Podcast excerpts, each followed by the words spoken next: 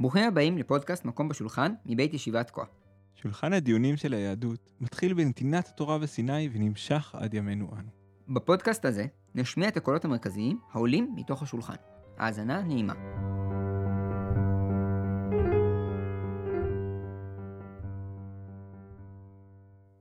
אביי ברבין מגיע לבית של אח שלו, דופק אצלו בדלת, חנינה, אח שלו, גם ברבין, אה, פותח את הדלת, ואביי אומר לו, אז מה, אתם אוכלים אצלנו בפורים? אז חנינה אומר לו, ברור שאתם, אנחנו אוכלים אצלכם בפורים, שנה שעברה אכלנו, אכלתם אצלנו, השנה אוכלים אצלכם. וככה אנחנו אה, משפחה מסודרת למופת, שבה אוכלים שנה אחת אצלנו, שנה אחת אצלכם. קופץ עליו הבח בעקבות רש"י, ואומר, מצוין, קיימתם מצוות משלוח מנות. זה היה נהדר, בדיוק ככה, ככה זה הצורה האידיאלית שבה מקיימים משלוח מנות, שבה בן אדם דופק בדלת של החבר שלו, ואומר לו, אז מה, השנה אצלנו? רגע, אבל מי שמתארח, הוא לא נתן שום דבר, נכון? הוא לא בא עם סלסלת משלוח מנות. הוא רק בא ככה.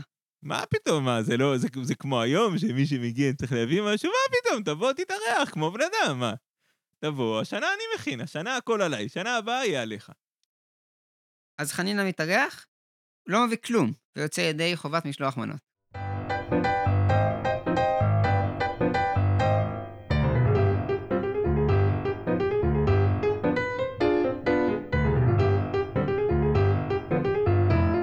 אז, אז איתן, מה, מה, זאת אומרת, מאחר ואני לא, לא, לא יודע בדיוק להסביר, אולי אתה יכול להסביר מה, מה בדיוק קרה פה? אז בואו נפתח בכלל ממצווה אחרת. ופה יש לנו שלוש מצוות מעשיות שאנחנו מדברים עליהן, שזה אה, מתנות לאביונים, משלוח מנות וקריאת המגילה. וכמובן, משתה ושמחה, כלומר, בעיקר משתה. כן, כן, בוודאי. גם, גם המשתה והשמחה, איכשהו זה נכנס לשם בתור מצווה. לא, לא, אנחנו לא נדון בזה בפרק שלנו, אבל זה מרתק, הסיפור הזה של איך נהיה פה אז משתה ושמחה הזה. לגבי מתנות לאביונים, יש לנו מחלוקת מעניינת. שיטת הבכי, שאני, גם הוא צריך להביא מתנות לאביונים. למרות שהוא אני בעצמו. מה זאת אומרת, אני צריך להביא מתנות לאביונים? הרי הוא, אני, הוא הזה שמקבל, כאילו, כשהם מחלקים צדקה, הוא לא, מה, הוא לא הולך ל, לאלה שנותנים, הוא, הוא הולך לאלה שמקבלים. מה זאת אומרת הוא צריך להביא מתנות לאביונים? מה ההיגיון בזה?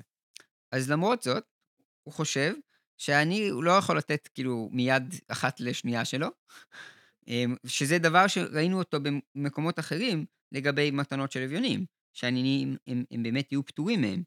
אבל במקרה הזה ספציפית, העני לא יכול להיות פטור, כי הוא חייב בעצמו לעשות פה את מעשה המצווה הזאת של מתנות לאביונים.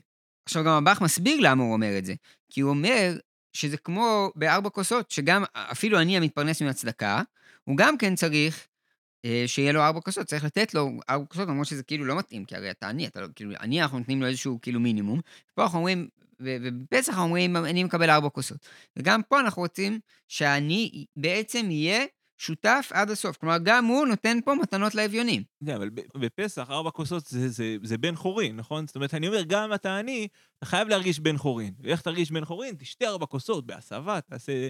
ולכן אני חייב לתת לך, כי למרות שאתה עני, אני צריך לתת לך לא רק את האוכל, אלא גם את תחושת הבן חורין, אתה חייב את זה. למה פה הוא חייב לתת צדקה? זה צדקה, נותנים את זה לעניים. אין שום היגיון בלתת את זה למישהו שהוא לא עני. מבחינת הבח, השיתופיות זה הסיפור, על לעשות את המעשה. אנחנו רוצים שיהיה פה נתינה, אנחנו רוצים שכולם נותנים. זה לא משנה מי המקבל, אנחנו לא מנסים לגרום לך להיות עשיר, או למישהו אחר להיות עשיר, אנחנו רוצים שכולם נותנים. ואם כולם נותנים, אז זה לא משנה אם אתה עשיר או עני, זה, זה לא, לא עניין היררכי בכלל.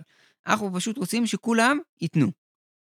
ואם כולם נותנים, אז גם העניים צריכים לתת. עכשיו, זה יוצר מצב כאילו בכלל מגוחך, אתה מבין? יכול להיות עני שהוא מקבל מתנות לאביונים, והוא פשוט צריך לגלגל את הכסף הלאה לעניים אחרים. כן? כאילו, כולם פשוט, כולם כאילו מתגלגלים הלאה את, את הכסף הזה של, של, של העניים. יכול להיות יותר גרוע, יכול להיות שהוא קיבל מתנה אחת, וכידוע מתנות לאביונים צריך לתת שתיים. יכול להיות שהוא אפילו לא קיבל בכלל, ואתה אומר לי שהוא עכשיו צריך לתת שתיים. הוא יוצא מופסד כאילו מכל הסיפור הזה. זה גמד וענק כאילו באופן הרע שלו. כן, במקרה הטוב, הוא יכול לא לקבל מאף אחד הרי. וגם אז הוא יצא מופסד. וכלומר, אני, אני אומר את זה, מ... כלומר, הבח לא אומר את זה באופן מפורש, אבל יכול להיות שגם הבח יגיד, שכמו שבארבע כוסות אנחנו נותנים איזשהו מגבית לעניים, בשביל לתת ארבע, בשביל שהם יוכלו לשתות ארבע כוסות, אז יכול להיות שגם בפורים, מבחינת הבח, אנחנו צריכים לתת כסף לעניים כדי שהם יוכלו לתת מתנות לאביונים. כן, כלומר, זה ממש, זה, זה נהיה כמו שכאילו הוא צריך לקרוא מגילה, הוא צריך לתת מתנות לאביונים. וזה לא מספיק להעביר מיד ליד. אז מי שכמובן אה, מתעצבן עליו, ו- ויש הרבה, אז אנחנו, אני אציג את הפרח, שהפרח באמת בצורה, אפילו לא נכנס איתו למשא ומתן. זאת אומרת, הוא אפילו לא, הוא אומר, תשמע, זה מגוחך. לבוא לעשות מגבית כדי להביא כסף לאביונים, שייתנו כסף לאביונים אחרים, זה, זה לא שייך. כן, זה, זה פשוט מגוחך. אה, אין, אין שום היגיון, זאת אומרת, כל הרעיון של מתנות לאביונים זה מצוות צדקה, זה להביא לעניים, אין שום היגיון שעניים יצטרכו לתת ל, ל, לאחרים. כל הרעיון שלי זה שלכולם יהיה. כאילו, למה אני נותן מתנות לאביונים? כדי שכולם ישמחו. ולכן, אני, אני, ולכן אני נותן, אני נותן גם לעניים שהם גם יוכלו לשמוח, שגם יהיה להם אה, שמחה בפורים. אין שום היגיון שעניים בעצמם יצטרכו לתת.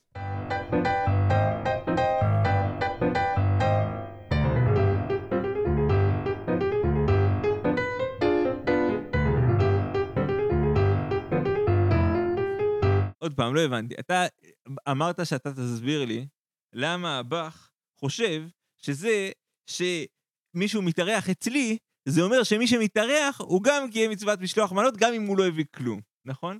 ובשביל להסביר לי את הדבר הזה, אתה הבאת לי את, את הבח שאומר שכולם צריכים לתת מתנות לאביונים. אז זה הפוך, הבח חושב שכולם צריכים לתת מתנות לאביונים, ולכן הוא גם צריך לחשוב שכולם צריכים להביא משלוח מנות. מה זה הפטור הזה למתארחים? מבחינת הבח, אנחנו מנסים להגיע לאיזושהי שמחה כללית, חברתית, ציבורית, בסדר? אנחנו כולנו פה משתתפים בשמחה. וכשאנחנו משתתפים בשמחה, אז חלק מזה, זה שכאילו מזמינים אחד את השני לסעודות, שזה הרעיון של משלוח מנות. וחלק מזה שאנחנו נותנים גם כסף לעניים, וכולם נותנים. כי כולם ביחד, אין פה עניין היררכי. כלומר, מה שהוא באמת מנסה לבטל זה את ההיררכיה בין, בין הנותנים והמקבלים. בין זה שכאילו אתה, אתה נותן משלוח, זה לא הנקודה, הנקודה היא שאנחנו מנסים לגרום לזה שאתה תצא מהבית שלך ותתחיל להסתובב. וכשזה קורה, אז זה, קיימנו את המצווה, אז יש צד אחד שזה, שזה, שזה מתנות לאביונים, ואז אנחנו רוצים שפשוט כל אחד ייתן משהו. אנחנו רוצים לבטל את ההיררכיה, זה משנה אם תעני או לא, אנחנו רוצים שכולם ייתנו. וגם במשלוח מנות, אנחנו בעצם, ההיררכיה של כאילו מי הנותן ומי המקבל, הוא גם שם מתבטל, נכון? אנחנו כבר לא אכפת לנו מי הנותן ומי המקבל. הנקודה היא שאתם הצטרפתם ביחד. אם אתם הצטרפתם ביחד לסעודה, אז מעולה, זה המשלוח מנות. אנחנו רוצים שאתם, יהיה אינטראקציה, יהיה חיבור. ובסוף זאת המטרה, ולכן זה ממש מכוון לאותה, לאותו נקודה. מה זה, מה זה הדבר הזה? הרעיון שלך במתנות לאביונים, שגם העניים צריכים לתת, וזה חשוב שכולם ייתנו וכולם יצטרפו, ו- ולשמוח זה לתת. את זה עוד איכשהו אני יכול לאכול. זה מוזר שעניים נותנים, אבל אני יכול לאכול.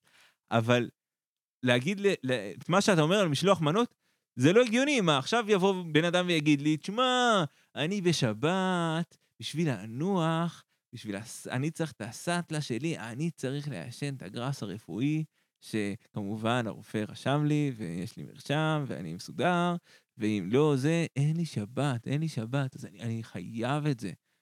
זה לא עובד ככה, אנחנו לא, אין פה... יהדות זה לא, יהדות היא, בסוף יש בה ממד טכני. זאת אומרת, אם יש מצווה שכולם ייתנו משלוח מנות, כולם יכינו משלוח מנות, יעטפו שני דברים בתוך שקיות כזה, וייתנו אחד, אחד לשני, אין כזה דבר. יצאתי ידי המהות, אני מבין את את הרעיון שעומד מאחורי המצווה. זה, זה לא הגיוני. כל אחד צריך לתת. ובאמת, ברוך השם, בא הר"ן ואומר, מה פתאום, ובעקבותיו גם בית יוסף, והם כולם נעמדים על הרגליים האחוריות ואומרים, אין מצב, אין סיכוי, ש... שאין סיכוי שבן אדם אוכל אצל מישהו אחר ויוצא על ידי זה חובת משלוח מנות. אין כזה דבר, יש חובת משלוח מנות. מה זה אומר? שיש חובה שכל אחד ייתן משלוח מנות. מה זה הדבר הזה של אה, אנחנו רוצים שכולם יהיו ביחד? זה פשוט לא עובד ככה.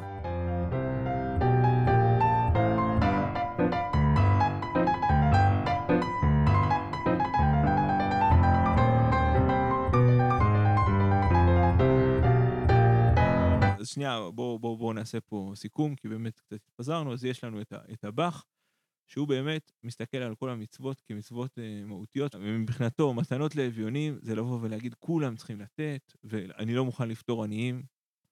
מצד אחד, מצד משלוח מנות זה אומר שכולם צריכים לאכול ביחד, ולכן אם שניים אוכלים ביחד אז זה סבבה מבחינתי. אה, לעומתו, אה, מי שאני רציתי להציב זה את הפרח ואת הרן, הם באים ואומרים שמתנות לאביונים זה מצוות צדקה, וממילא, וממילא שאני, לחייב עניים לתת זה חסר משמעות, זה חסר היגיון, ומשלוח מנות זה, יש חובה של משלוח מנות, וכל אחד צריך לתת משלוח מנות, כי זה חובה אישית. עכשיו, איפה שאני באמת רואה בפורים אה, צד, אה, את הצדדים הציבוריים שאתה כל הזמן מנסה למשוך עליהם, את, ה, את הצד הפסטיבלי אה, שאתה, שאתה מנסה להציג, זה דווקא במקרא מגילה, המצווה השלישית שעוד לא דיברנו עליה, ושם יש מחלוקת באמת עתיקה כבר בגמרא, אה, שרבסי בא ואומר, אין כזה דבר לצאת ביחיד במקרא המגילה. אין, אין לזה משמעות. כל הקטע של מקרא המגילה זה שבאים ביחד וקוראים, אנשים, הילדים, כולם ביחד, ציבור. אז לבוא עכשיו ולקרוא אחד לבד יושב בבית קורא מסכן, זה לא קשור. זה לא, אין, הוא, הוא לא יוצא ידי חובת קריאת מגילה ככה. זה, זה לא. כלומר, בן אדם, נגיד, פספס, לא יודע, היה בשמירה, אין לו מה לקרוא לבד. לשיטת רבסי?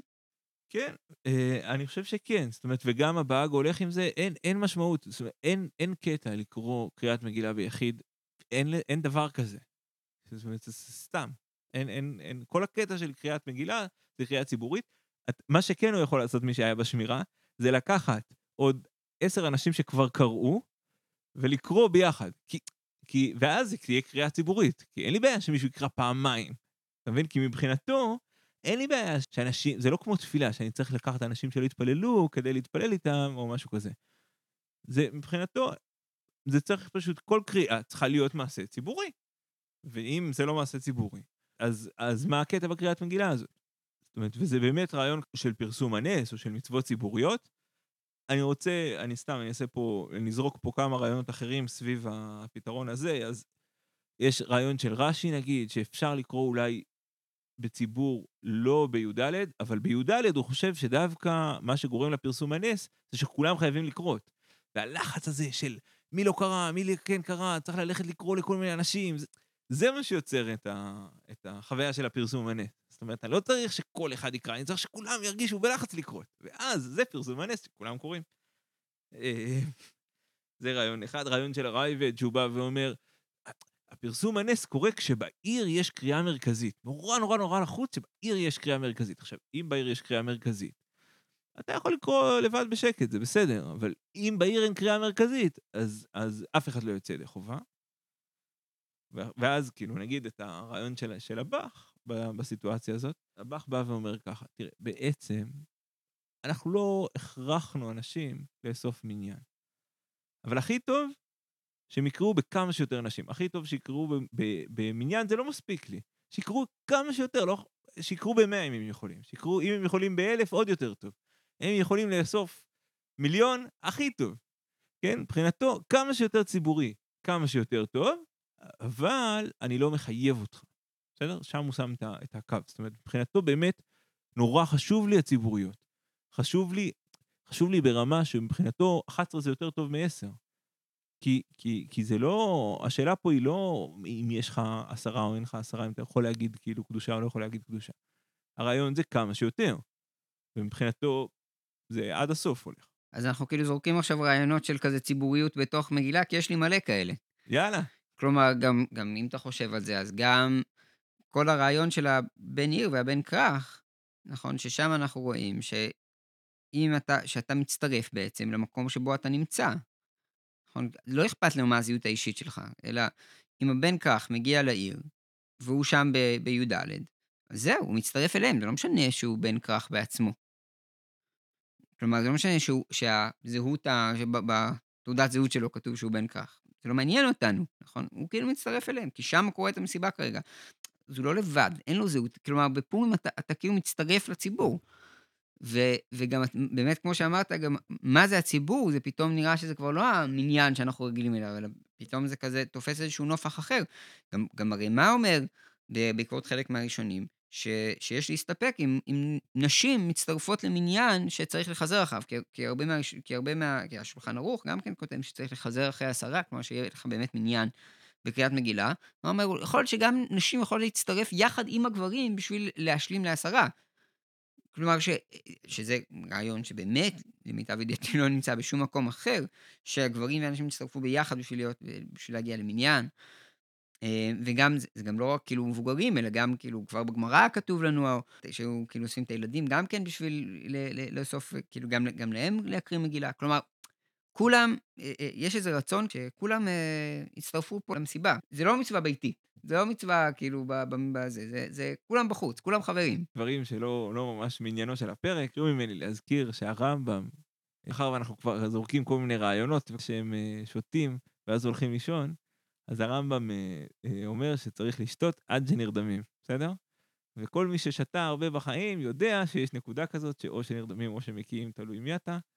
אז אני ככה רוצה להגיד שזה נכון שאולי מבחינת הרמה אפשר ללכת לישון, אבל מבחינת הרמב"ם צריך לשתות עד שנרדמים.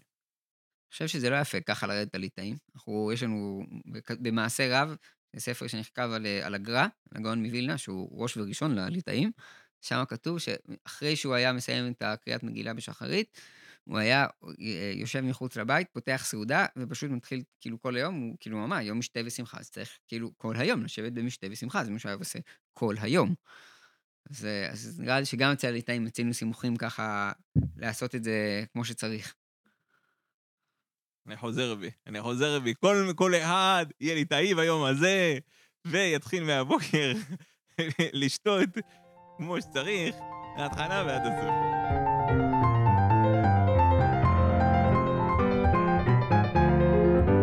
אז זה היה הפרק היום. אנחנו ראינו קצת אה, דיונים על השאלה כמה פורים זה חג אה, ציבורי, כמה זה פורים זה חג אישי, כמה המחלוקות הרגילות לגבי טכנוקרטיות למהותניות גם בתוך השאלה של פורים, אה, דרך השאלה של משלוח מנות וגם דרך השאלה של מתנות לאביונים. אנחנו רוצים להקדיש את הפודקאסט לרפואת יוסף משה בן אורה, שהוא ממאזיננו היקרים ולא עלינו, חולה, ושהשם אה, יעזור לו, איך אומרים? שבפורים יוצאים, בשמחה יוצאים מדי, מדי כל הדברים, שבפורים שיתהפך לו גם ככה הכל. בעזרת השם, תהיה בריא. אה, וכמובן, וכמובן, אנחנו רוצים להגיד שסוף סוף התגברנו על הבעיות הנפשיות שלנו, ופתחנו קבוצת טלגרם לצורך הדיונים על הפרקים. אה, חפשו אותנו בטלגרם, זה יהיה בטח בעיירות למטה, מקום בשולחן. אה, יאללה, שיהיה אחלה פורים, תשתו מלא.